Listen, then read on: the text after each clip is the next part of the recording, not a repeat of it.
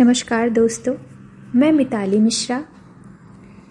आज एक कविता प्रस्तुत कर रही हूँ।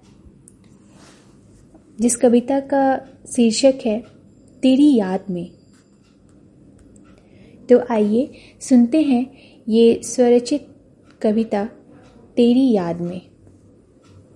तुम्हारी याद में रात भर मैं जागती रही। तुम्हारी याद में रात भर मैं जागती रही। जागती आँखों से ख्वाबों को बुनती रही और उन ख्वाबों में मैं ज़िंदगी जीते रही।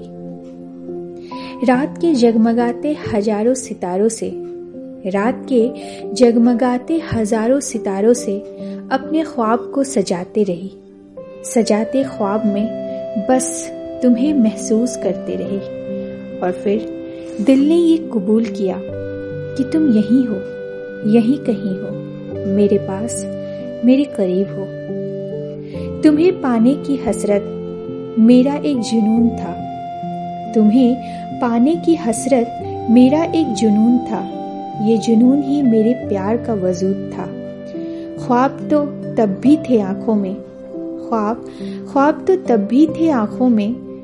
फ़र्क बस इतना है कि उस वक्त तुम हकीकत थे और अब मेरी यादों का सफ़र हो। तुम्हारी याद में रात भर में जागती रही, जागती आँखों से ख्वाबों को बुनती रही और उन ख्वाबों में मैं ज़िंदगी जीती रही।